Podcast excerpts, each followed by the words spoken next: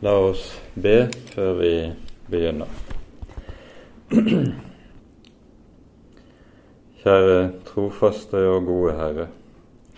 Så takker og lover vi deg at vi skal få samles på ny i ditt hellige navn og om ditt dyrebare ord. Og vi ber deg, Herre, at du vil være hos oss med din gode Hellige Ånd, sånn som du har lovet. Gi oss, Herre, lys i ordet, og skriv dine ord inn i våre hjerter, at vi må få kjenne deg rett og bli bevart til det evige liv. Amen.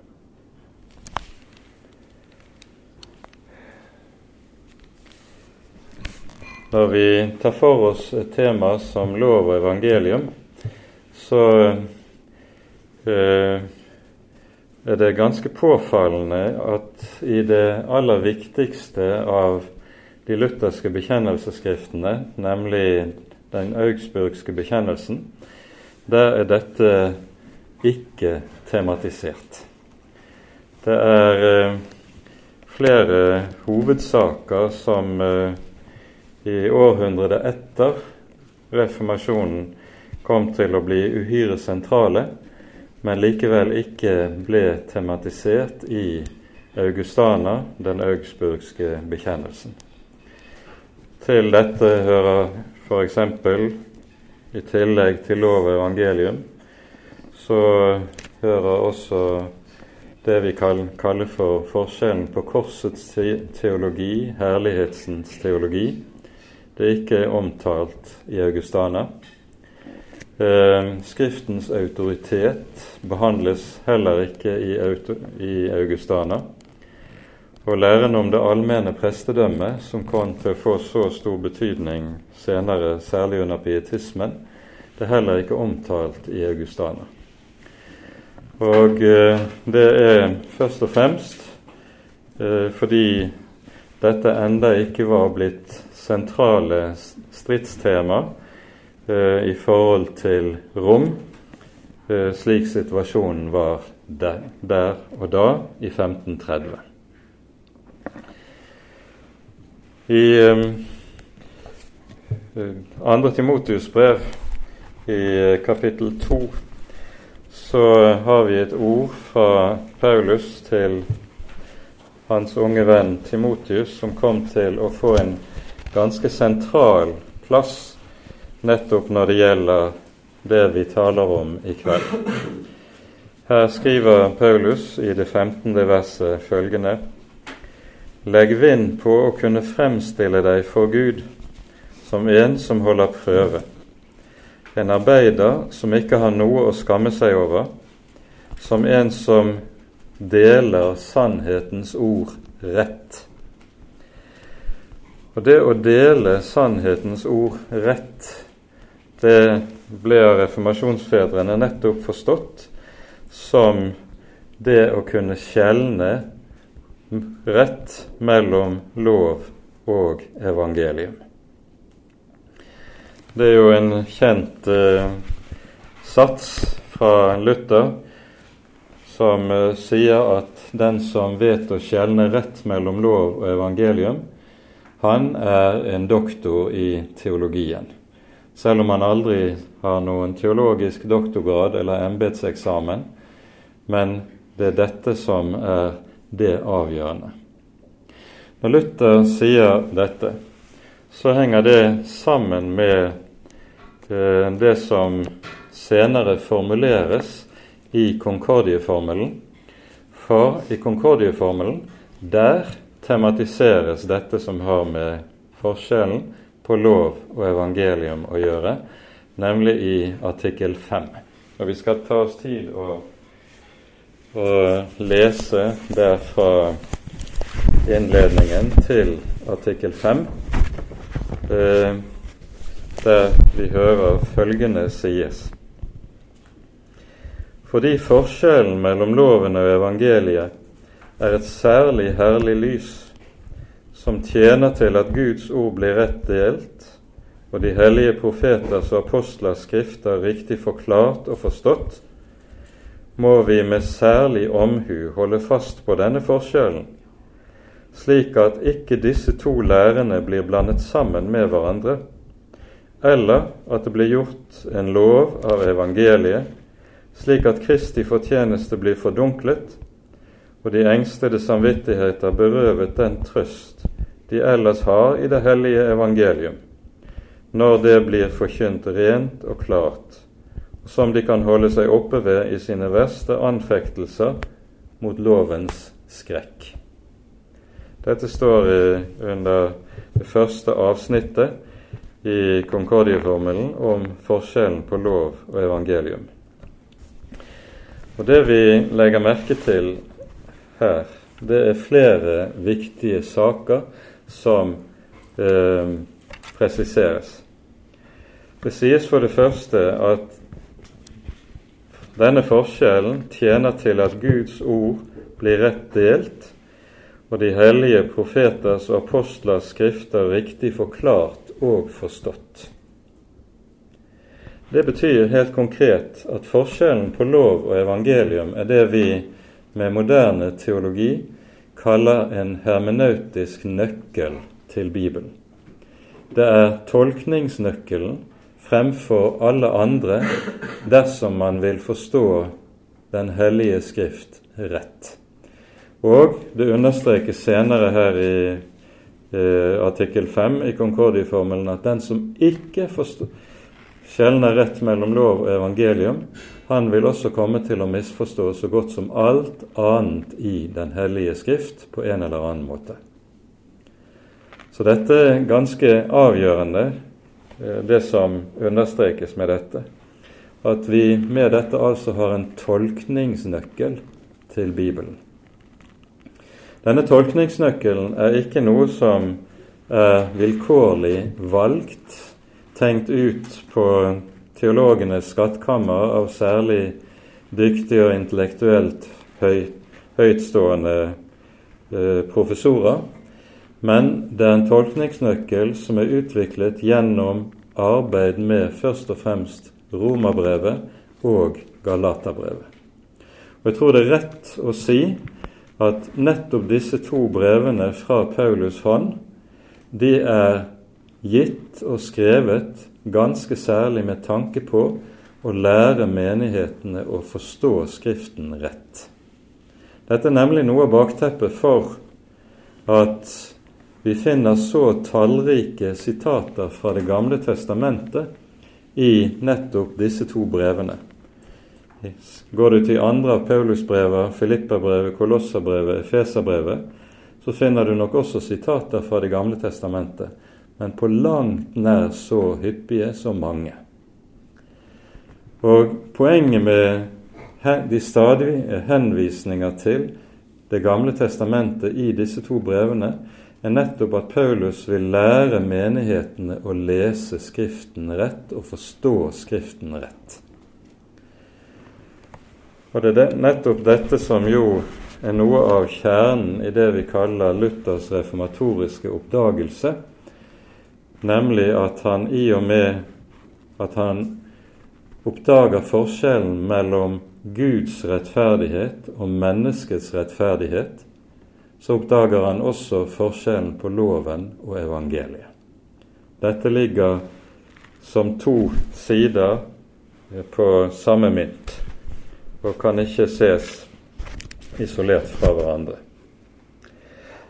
Det neste som understrekes her i det første avsnittet i Konkordieformelen som vi har lest, det er at det altså sies vi må med særlig omhu holde fast på denne forskjell, slik at ikke disse to lærene blir blandet sammen med hverandre, eller at det blir gjort en lov av evangeliet, slik at Kristi fortjeneste blir fordunklet og de engstede samvittigheter berøvet den trøst de ellers har i det hellige evangeliet. Det sies altså at man med særlig omhu skal vokte seg for å blande lov og evangelium sammen. Det å blande disse to sammen, det innebærer nemlig alltid at da ender man ut i det som vi med Nye testamentet kaller for fariseisme. Det vil alltid føre til den menneskelige egenrettferdighets religiøsitet. Lov og evangelium, der de blandes sammen, der har du fariseerens lære.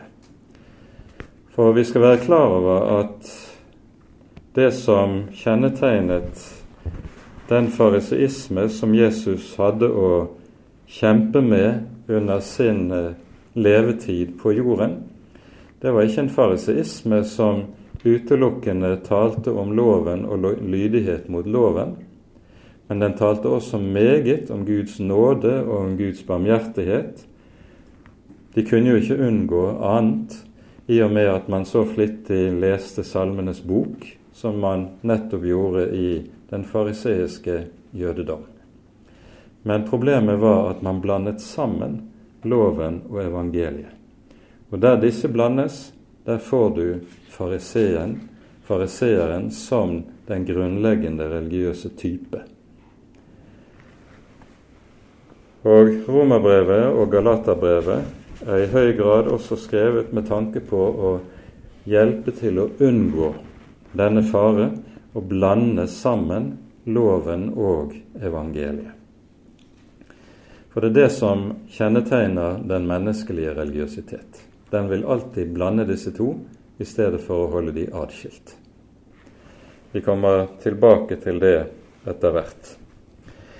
Når det så understrekes, som vi hørte det, eh, at man skal ikke gjøre en lov av evangeliet, så viser dette til den strid som oppsto i lutherdommen, delvis allerede i Luthers levetid, men ganske særlig etter at Luther døde. Da ble det en eh, betydelig strid også om dette punktet mellom de lutherske teologer, i det det var en del eh, teologer. Den fremste av de var Johannes Agricola, som hevdet at også evangeliet var en lære som dømte synden, nemlig den synd som heter vantro. Og at evangeliet altså har en dømmende funksjon, mens eh, det, da, det som da skjer, det er at man roter til definisjonene av de ulike begrepene, nemlig loven og evangeliet. I eh, Roma, den romersk-katolske kirke og den romersk-katolske teologi som var Luthers bakteppe, der talte man også om forskjellen på lov og evangelium. Men de skolastiske teologer mente alltid med dette at loven, det er Det gamle testamentet. Evangeliet, det er Det nye testamentet. Og Forskjellen på disse det er ikke bare en forskjell i eh, tid, men også en forskjell som består i at Moses krever av oss en ytre rettferdighet, mens Kristus i evangeliet krever oss, også av oss en indre rettferdighet. Og Derfor kalte man i romersk teologi evangeliet eh, ofte med begrepet 'nova lex', den nye lov, der Jesus så å si legger listen enda langt høyere enn det Moses gjorde. Og Dermed blir Jesus, i og med evangeliet, også en lovlærer, og evangeliet blir borte. Det som er poenget når vi taler om forskjellen på lov og evangelium, det er at lov og evangelium er to ulike Guds ord som lyder gjennom hele Den hellige skrift. Du finner lov og evangelium forkynt like meget i Det gamle testamentet som i Det nye testamentet. Men her handler det om definisjoner. Og det er viktig å være klar over. For en, bakgrunn for en del av de stridighetene som oppsto etter Luthers død på dette området, det handlet, nettopp om at en hadde uklarhet i begrepene. Hva mener man når man bruker ordet evangelium? Hva mener man når man bruker ordet lov? Eh, og Her gjør Concordieformelen eh, i de påfølgende avsnittene som vi ikke tar oss tid til å lese, det grunnarbeidet at den klargjør hva som ligger i bruken av ordet evangelium. Det pekes på at ordet evangelium brukes i flere ulike betydninger i Det nye testamentet. Det kan både brukes i den spesifikke teologiske betydningen som vi anvender når vi ser, bruker ordet 'forskjellen på lov og evangelium'. Det finner du flere steder, både i evangeliene og i brevlitteraturen. Men ordet evangelium kan også eh, brukes som en helhetsbetegnelse på hele Jesu budskap. Som en fellesnevner, altså for alt Jesus har å si oss, enten det nå er lov og evangelium. I bergprekenen f.eks. så er jo Jesus en som forkynner og utlegger loven. Og Dette hører til evangeliet når du taler om evangelium i ordets mer allmenne betydning. Men hvis du bruker ordet evangelium i den spesifikke teologiske betydning, da hører lovforkynnelsen ikke til evangeliet. Den samme forskjellen ligger i begrepet omvendelse, eller bot, som var ordet som gjerne ble anvendt mest under reformasjonen. Eh, Idet man finner dette ordet anvendt også på to ulike måter, eh, noe som gjenspeiles også i den augsburgske bekjennelsen. Ordet omvendelse kan betegne både det at et menneske skal vende seg bort fra sine synder, hvilket nettopp er hva loven krever, og tro på den Herre Jesus, hvilket er hva evangeliet gir oss. Ordet omvendelse kan bety begge deler. Og ordet omvendelse kan betegne spesifikt kun det som skjer under eh, lovens forkynnelse, nemlig det at mennesket skal vende seg bort fra sin synd. Så disse ulike betydningsnyansene av begrepene som du finner i Bibelen selv, det skapte altså en del uklarhet som førte til mye stridigheter, etter, eh, særlig etter Luthers død. Noe som lærer oss en sak som er uhyre betydningsfull. Nemlig man må vite hva som ligger i ordene som anvendes. Det å ha klarhet i begrepene og klarhet i ordene, ordenes betydning, det er helt avgjørende for å ha klarhet i troen også. Derfor har en av mine gamle og kjære lærere, eh, Einar Soli, sagt følgende Fra et språkfilosofisk synspunkt handlet reformasjonen om et veldig presiseringsarbeid. Man gjorde seg klinkende klart hva ligger i de ulike ord og begreper som anvendes i Det nye testamentet, og hvilke følger har ordenes betydning for teologien, for hvordan vi skal tenke, tro, lære og forkynne. Dette er poenget. Og dette har vært også noe av et særtrekk ved lutherdommen senere, dette behovet for å ha klarhet i begrepene. Det er jo også, det vet dere, et ideal at i luthersk sammenheng at evangeliet skal forkynnes klart og rent. Og Hva ligger det i disse to ordene, klart og rent?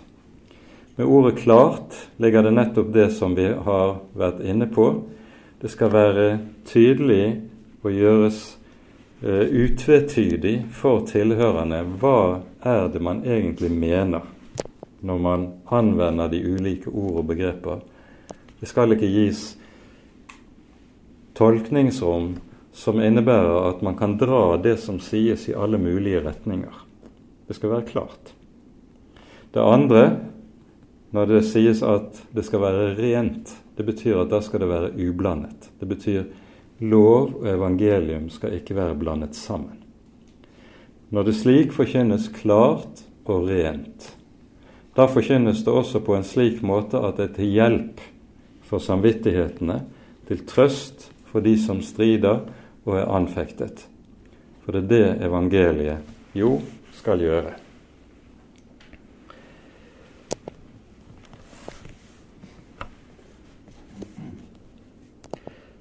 Vi kunne kanskje her også gjøre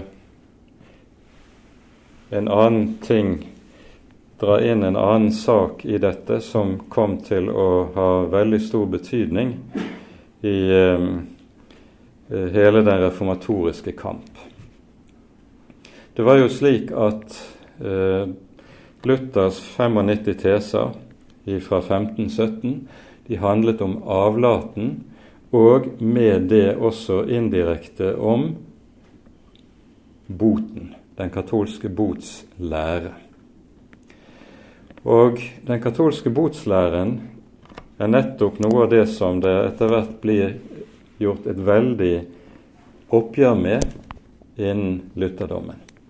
Den katolske botslæren den består av tre hovedsaker, som er formulert allerede av kirkefaderen Tertulian på 200-tallet. Og Dette kom til å bli standardlære innen eh, romersk teologi. Boten består av tre hovedsaker, altså. For det første contritio, dvs. Si angeren. For det andre confessio, munnens bekjennelse, det som skjer i skriftemålet. Og for det tredje satisfaktio, godtgjørelse, det at synderen skal gjøre godt igjen hva han har forvoldt ille. Det som Luther strevet noe voldsomt med, det var særlig det første punktet, spørsmålet om angeren. For eh, i romersk teologi, og dette gjaldt alle de ulike skolastiske teologene som Luther hadde med seg i bagasjen, så skjelnet man mellom to typer anger. For det første den anger som kommer av frykt for Gud, angst for Guds dom og for Guds straff. Og for det andre den anger som kommer av kjærlighet til Gud. Og den rette anger, det var den angeren som var av kjærlighet til Gud. Det var et diskusjonstema eh, innen skolastikken om det var riktig å rekke syndenes forlatelse til en som bare angret av frykt, eller om det ikke var rett. Og Luthers store fortvilelse det var jo at han aldri klarte å angre riktig. Han angret aldri av kjærlighet til Gud, for han var redselslagen med tanke på Guds dom og på Guds vrede. Luther hadde fått med den vrede Gud å gjøre. Og hvor mye han enn strevet med sitt eget hjerte, så klarte han aldri å angre rett. Men dermed kunne han jo heller aldri tro at han eide syndenes forlatelse, kunne aldri ha noe visshet om dette. Og så ble dette hans stadige kamp og stadige fortvilelse, som i perioder drev han ned i den dypeste desperasjon. Når Luther bryter igjennom og får se den store forskjell på loven og evangeliet, menneskets rettferdighet og Guds rettferdigheter, så feier han hele den katolske tenkningen om angeren bort. Han kaller dette for eh, contritio activa, den aktive anger. Dvs. Si det at mennesket arbeider aktivt med seg selv for å få til å angre. Det er et blått og bart menneskeverk, sier Luther, som overhodet ikke har noe som helst verdi med tanke på frelsen. Den rette anger det er det han kaller for contritio passiva, den passive anger. Og hva er den passive anger? Jo, det er den skrekk som jages inn i samvittigheten når loven forkynnes. Altså, den rette anger det er en frukt av at Guds ord i loven gjør sin gjerning. Det er ikke en frukt av at jeg strever med meg selv for å få til og angre på rette vis. Og tilsvarende så blir dermed også troen noe som gis til mennesket passivt, der evangeliet forkynnes. For loven skaper angeren, skrekken i samvittigheten. Evangeliet kommer med trøsten og rekker syndenes forlatelse. Og så på denne måten er det lov og evangelium som blir nøkkelen til en rett tale om omvendelsen. Og Nettopp slik tales det om boten eller omvendelsen i Augustana, i, hvis jeg ikke husker feil, i artikkel 9 og 10. Det kan man finne ut. Det glemte jeg å slå opp før timen. Dette med den rette forskjell på lov og evangelium, det ser vi får altså dype konsekvenser rent sjelesørgerisk med tale om boten og hvordan et menneske skal få visshet om syndenes forlatelse. Hos Luther blir det sånn at ordene i Romerbrevet 9,16 kommer til å bli ganske så sentrale.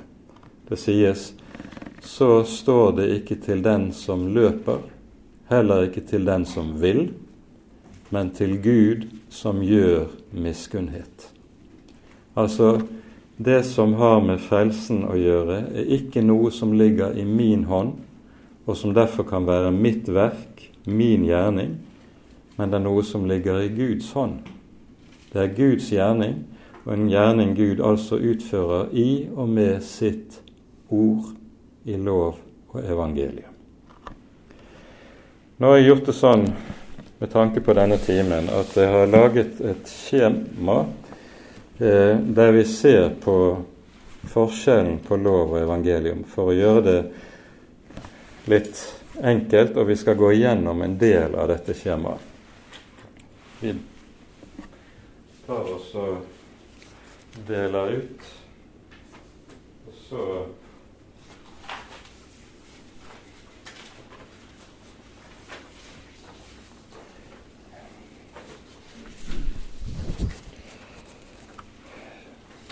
Det er jo en fare med et sånt skjema at man begynner å tenke skjematisk om disse tingene. Det er ikke riktig. Men det er en hjelp for tanken og for troen å ha klarhet i dette når vi gjør det på denne måten. Så jeg håper jeg har trykt opp nok ark. Hvis ikke, så får dere se sammen, noen av dere.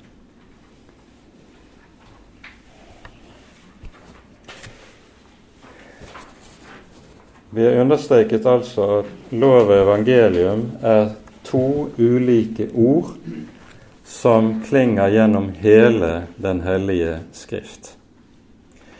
Og Det første vi skal være oppmerksom på, det er at lov og evangelium ikke bare er to ord som handler om hva vi skal gjøre, og hva vi ikke skal gjøre.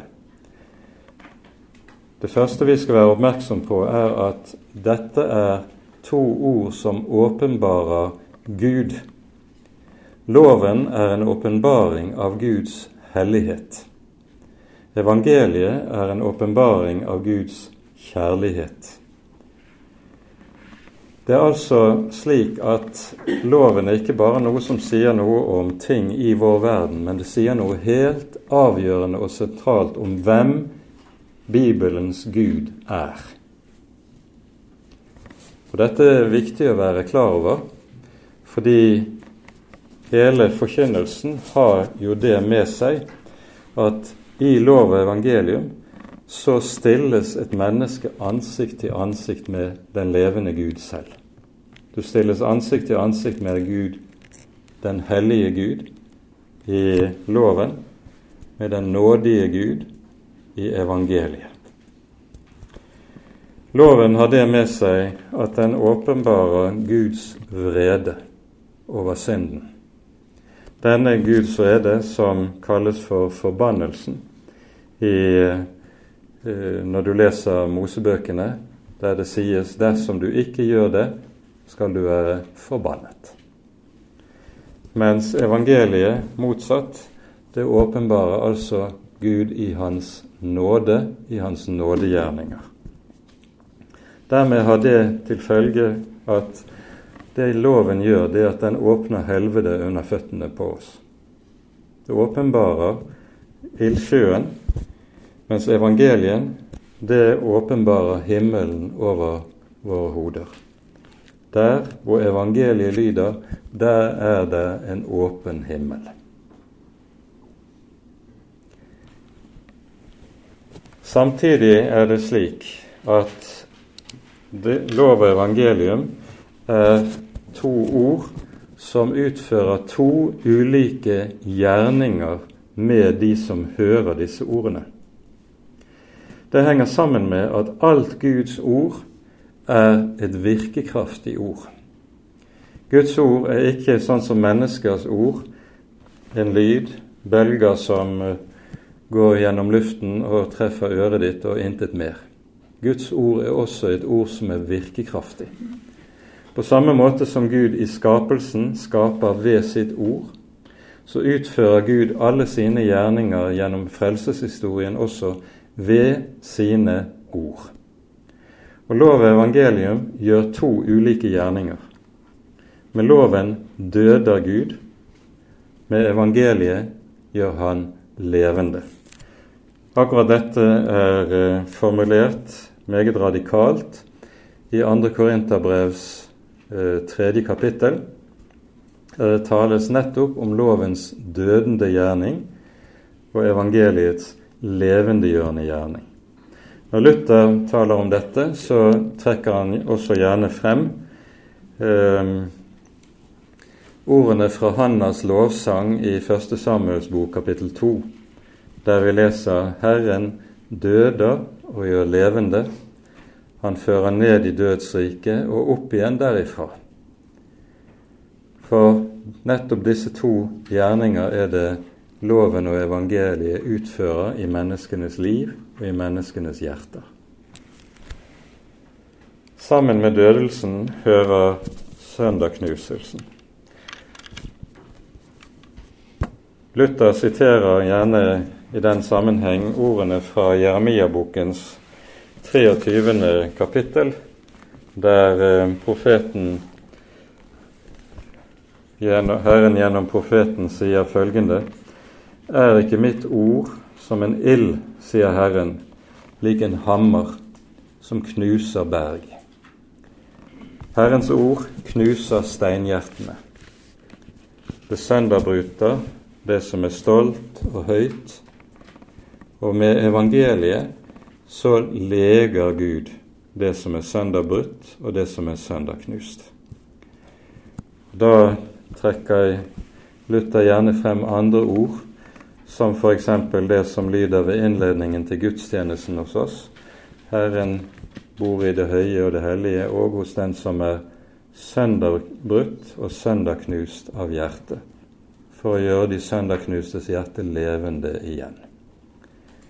Evangeliet er et sånt ord som leger, som reiser opp, som helbreder og gjør denne gjerning i menneskenes hjerter. Det vi her har vært inne på, den dødende, søndagknusende gjerning, det sammenfatter vi gjerne med dette at loven fordømmer. Loven forkynner Guds dom over mitt liv, over hvert menneskes liv. Og fordømmelsen innebærer det som lød allerede på fallets dag, der Gud truer med døden dersom de er Adam og Eva ikke lyder Herrens påbud. Og senere blir dette en allmenn lov som formuleres av Paulus syndens lønn er døden. Det er fordømmelsen. Evangeliet det gjør det motsatte. I stedet for å fordømme, dømme til død, fortapelse og helvete, så reiser evangeliet opp, frelser det som er fortapt. Og hva frelsen innebærer, det er det evangeliets sak å utlegge for hjertet, male for øynene på tilhørerne, slik at de kan feste lit til det, finne trøst i det og knytte håp til dette. Med fordømmelsen så innebærer det at loven dermed har til oppgave å frata mennesket ethvert håp Loven ødelegger menneskets håp, håpet det har til alt sitt eget. Mens det evangeliet gjør, det er motsatt. Det gir håp, håp som bærer utover død og grav, men det er et håp som er knyttet ikke til mitt eget, men til at det er en som har gått i mitt sted. Loven har det med seg at den kun kommer med krav. Loven sier 'du skal, du skal ikke'. Den krever av meg mine gjerninger. Den krever av meg hvordan jeg skal være, både i tanker, ord og gjerninger. Og den gjelder alle områder av livet, av personligheten, av tilværelsen. Motsatt. Evangeliet kommer ikke med noen krav, og dette er viktig å være klar over. I våre dager får du av og til høre, det var i forbindelse med en bispeutnevnelse for en del år tilbake, der eh, den nye biskopen ble spurt om hva hans fremste eh, oppgave var som eh, i bispegjerningen, og han svarte det at det var å vise folk hvilken utfordring kristendommen er. Hva gjør du da? Da omgjør du evangeliet til lov. For evangeliet er ingen utfordring som du skal ta opp. Evangeliet er en gave. Evangeliet kommer ikke med krav, krav om å ta opp utfordringer. Evangeliet kommer med gave. Det rekker oss Kristi rettferdighet. I det hele tatt burde vi kanskje i denne sammenheng uh, understreke denne bruken av ordet 'utfordring', som er blitt så vanlig i veldig mange kristne sammenhenger. Det er en veldig uting. For det er et ord som nettopp har det med seg at det kludrer til forskjellen på lov og evangelium, og meget lett fører særlig ubefestede kristne inn under loven igjen, og inn i, i loviskhet. Man bør unngå denne stadige bruk av ordet 'utfordring' i kristen sammenheng, for det er en uting. En uting nettopp fordi det utydeliggjør dette som er den store forskjell mellom lov og evangelium. Loven videre, den har det med seg at den avslører. Det er lovens oppgave. Dette er jo sagt veldig tydelig av Paulus i Romane 3, 19. Vi vet at alt det loven sier, det taler den til dem som har loven, for at hver munn skal lukkes og hele verden blir skyldig for Gud. For ved loven kommer syndens erkjennelse.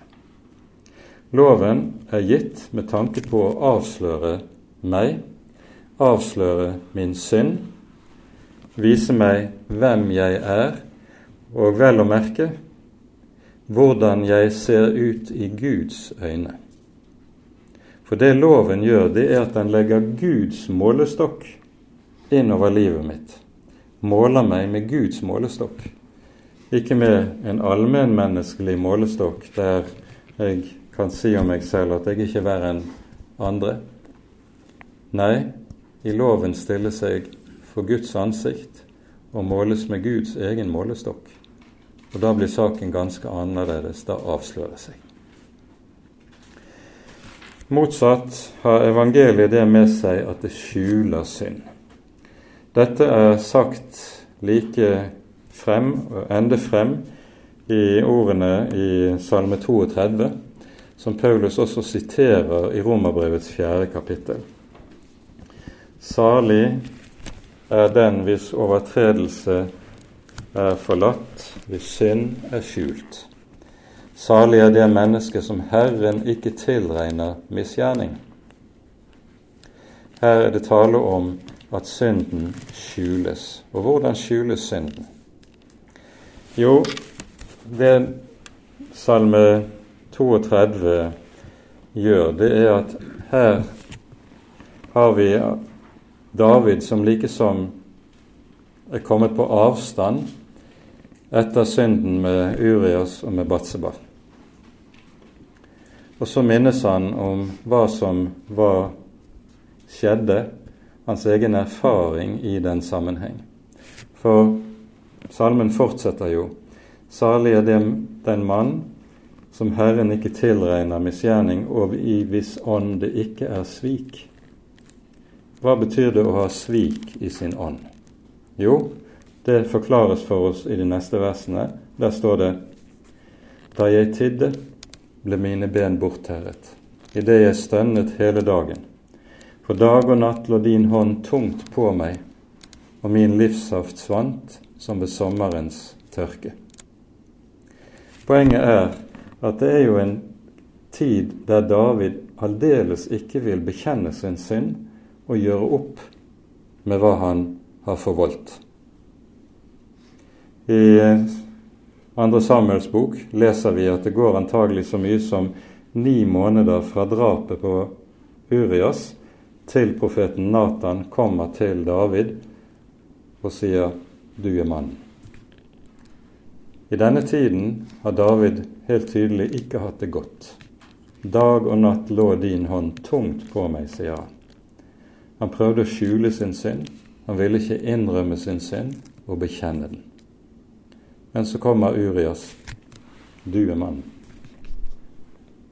Og da er det at så å si kniven er stukket inn, og byllen Det blir hull på byllen. Og så svarer David, 'Jeg har syndet mot Herren'. Og da får han til svar, 'Så har da også Herren tilgitt din misgjerning'. Altså, når synden er åpen, David åpenbarer sin synd, da skjuler Herren den. Men motsatt, når David prøver å skjule sin synd, da åpenbarer Herren den i stedet. Loven har altså det med seg at den avslører synd. Den synd jeg selv prøver å fortie, den synd jeg prøver å forsvare, den synd jeg prøver å fornekte, rømme fra, fordi det jo er et ubehag i det å skulle innrømme sannheten om seg selv. Men der synden er åpenbart, der kommer evangeliet og så skjules synden. Jeg bekjente min synd for deg og skjulte ikke min misgjerning. Jeg sa, jeg vil bekjenne mine misgjerninger for Herren.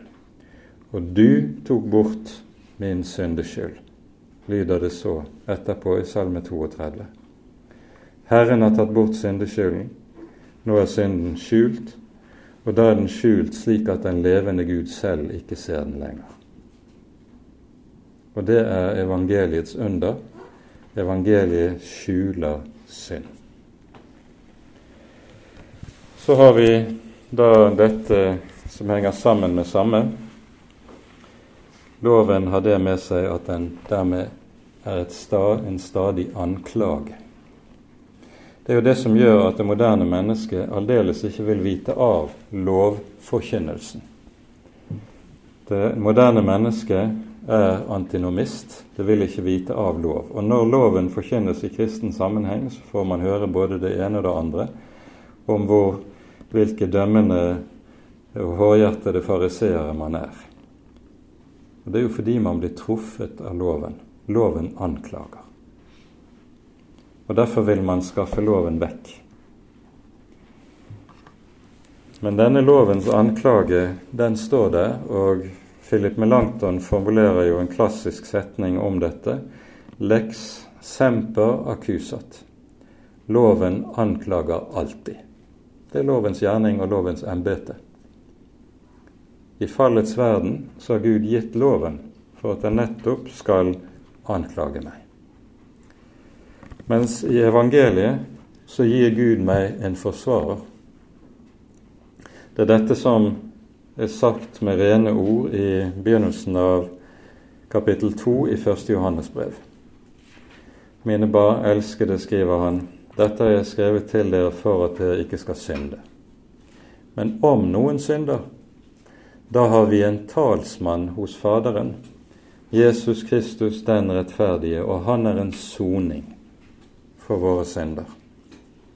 Ordet talsmann, parakletos på gresk, det er et ord som i datidens språk ble anvendt nettopp om forsvarsadvokater i retten.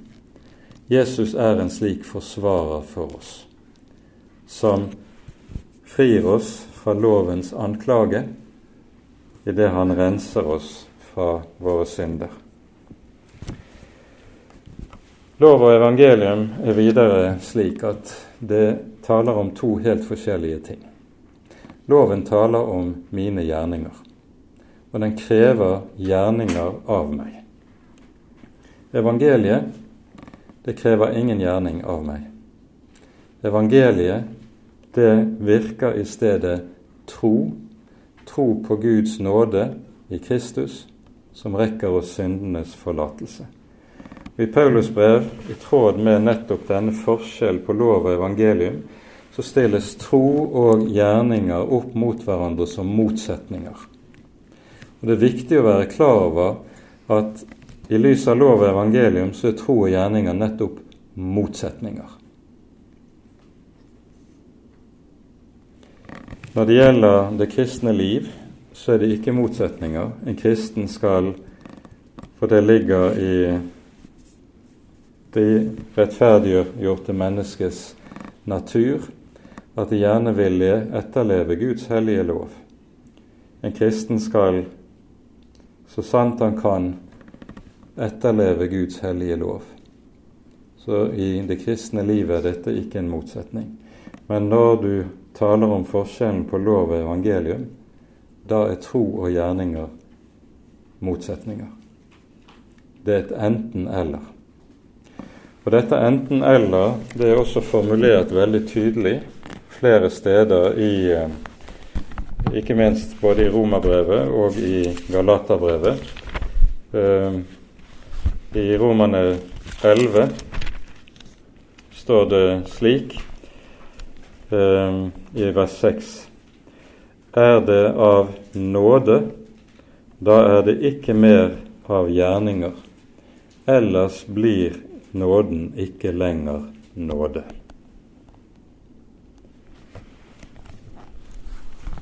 En rekke lignende ord finner vi ellers også både i Romerbrevet og Galaterbrevet, uten at vi tar oss tid til å gå videre på det. Så nevner vi også dette som har med adressaten i disse to ulike ord å gjøre. Loven, den peker på meg. Den peker på deg, og den sier 'du skal'. Du skal ikke. Loven har alltid det med seg at den har en, denne pil som søker å treffe deg. Å treffe meg i hjertet og ramme oss. Evangeliet det peker ikke på meg og sier noe som jeg skal være eller gjøre. Evangeliet det er et ord som i stedet peker på en annen mann, nemlig på den Herre Jesus Kristus. Den peker på Jesus og sier 'Dette har han gjort'. Han har gjort det for deg. Han har gjort det i ditt sted. Evangeliet forkynner altså en gjerning som er gjort uavhengig av meg, uten meg, av en annen mann, nemlig Kristus. Og evangeliet forkynner dette har han gjort som din stedfortreder. Det gjelder i ditt sted. det er evangeliet. Så krever altså loven min gjerning, men evangeliet taler om Kristi gjerning. Evangeliet taler bare om hva Jesus har gjort. Det forkynner Hans herlighetsrikdom, som vi f.eks.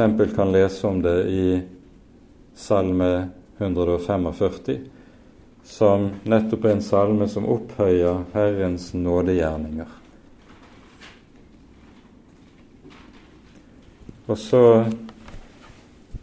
er det Kristi gjerning jeg skal få lov til å leve på som et Guds barn.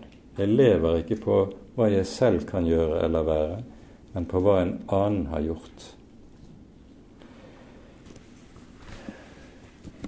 Svarende til dette så skjelnes det altså mellom min rettferdighet, den jeg prøver å etablere, og Kristi rettferdighet. Der det taler om min rettferdighet, der er jeg under loven. Der det taler om Kristi rettferdighet, der er jeg under evangeliet. Og Dette er formulert meget tydelig i eh, Filippabrevet, i det tredje kapittel, vi tar oss tid til å lese et par vers derfra. Her skriver Paulus fra Filippane 3, fra vers 7.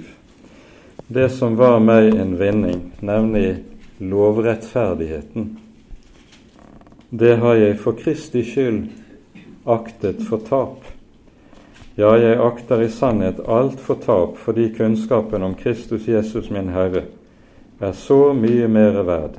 For hans skyld har jeg tapt alt. Jeg akter det for skrap, for at jeg kan vinne Kristus og bli funnet i ham, ikke med min egen rettferdighet, den som er av loven, men den jeg får ved troen på Kristus, rettferdigheten av Gud, på grunn av troen. Her ser vi hvorledes Paulus nettopp skiller mellom disse to ulike slags rettferdighet, og sier den rettferdighet som jeg måtte prøve å få i stand selv, den er skaren.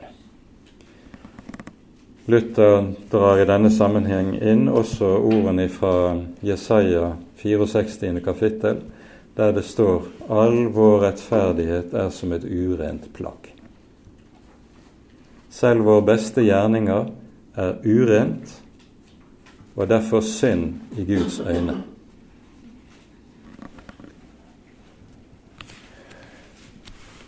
Sammen med dette hører også et par andre viktige saker. For det første lov og evangelium har det med seg at begge to kommer med løfter til oss. Begge deler lover oss evig liv evig salighet og Guds velsignelse. Men forskjellen på dem er at lovens løfte er et betinget løfte.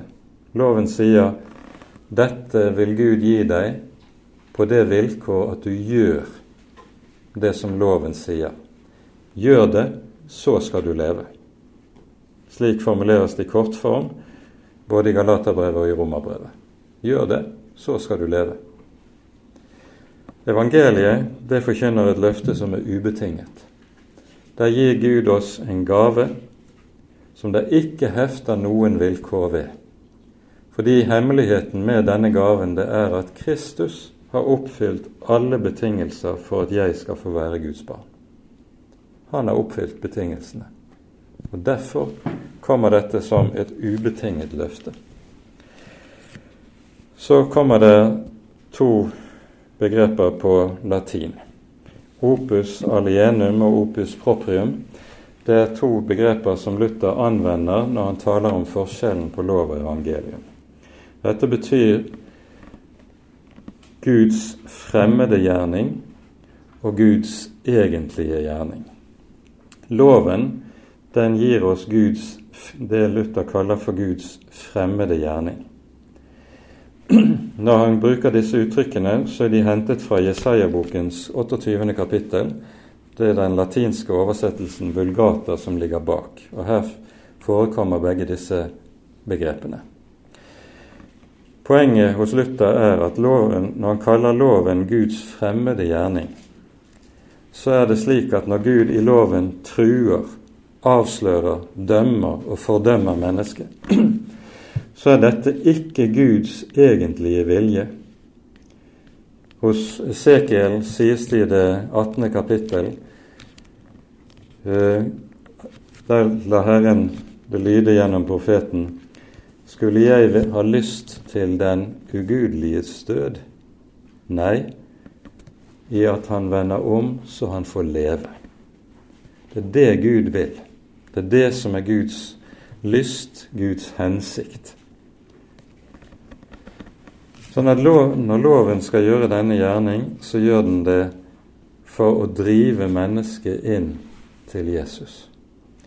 Og Derfor er det det sies i Galaterbrevets tredje kapittel loven er en tuktemester til Kristus. For den egentlige gjerning som Gud ønsker å gjøre og gi, det er evangeliet. Han vil føre til frel, mennesket til frelse, sånn at det får leve. Og loven er Guds verktøy i å drive mennesket til Kristus. Loven er en tuktemester til Kristus, slik Paulus sier det i Galatane 3,14. Så må vi slutte av etter hvert, men vi peker bare på at det vi her har vært inne på, det har veldige følger rent sjelesørgerisk. For der lov og evangelium blandes sammen, der vil et menneske aldri kunne få visshet om sin frelse. Det vil alltid være i usikkerhet. Og, og denne usikkerheten skapes av loviskhet. Loviskhet det, den har gjerne to sider. Den kan enten føre til egenrettferdighet eller til fortvilelse og dyp, dyp trelldom. Det er alltid frukten av at lov og evangelium blandes i forkynnelsen. Eh, dette var karakteristisk for romersk teologi på Luthers tid, og er det den dag i dag.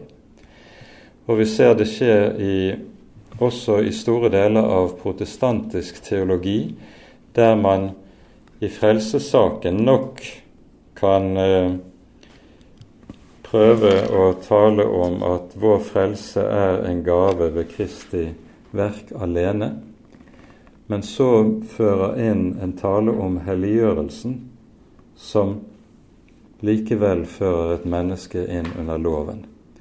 Man blander altså sammen helliggjørelsen og rettferdiggjørelsen, og så blir resultatet åndelig trelldom. Og Dette er tilfellet i en stor mengde av en del av disse moderne kristne ungdomsbevegelsene som har kommet til oss fra amerikansk mark. Eh, og du møter det på ny og på ny i ulike skikkelser. Du har bøker som 'Målrettet kristenliv', som har kommet i senere år. Du har disse eh, armbåndene som ungdom har gått med i en del år, med 'What would Jesus do?' Det, og lignende ting som kommer i, fra eh, den andre siden av dammen, det er alt sammen ting som blander sammen rettferdiggjørelse og helliggjørelse, og dermed fører mennesker inn under trelldom. Dette skulle det også vært sagt mye mer om, men vi har ikke tid for det. Men vi slutter med det siste punktet. Lov og evangelium, det er forkynnelse som skal lyde og her snakker vi ikke minst om sjelesorgen. Loven skal forkynnes for trygge syndere, for selvsikre syndere. Selvsikre syndere har du av to merker.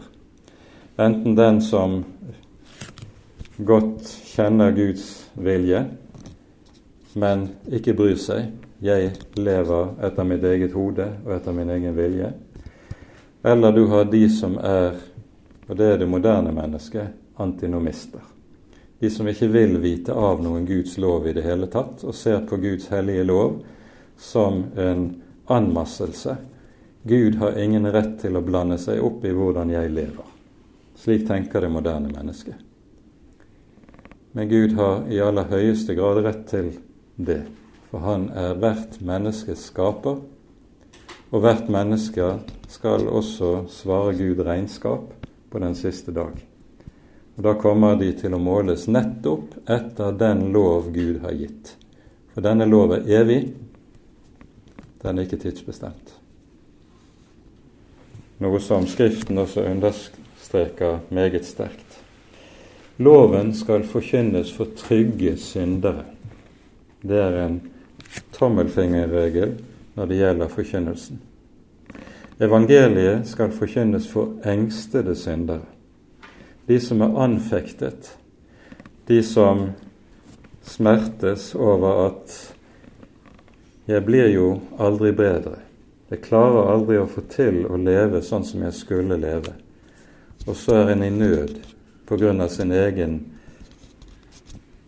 gjennomhullede og ganske så skrøpelige kristendom og åndelige liv. Evangeliet skal forkynnes for engstede syndere. Dette sier noe om hvordan disse to ord skal anvendes både i forkynnelsen og ikke minst i sjelesorgen for at de skal bli forkynt og lært rett og være til hjelp.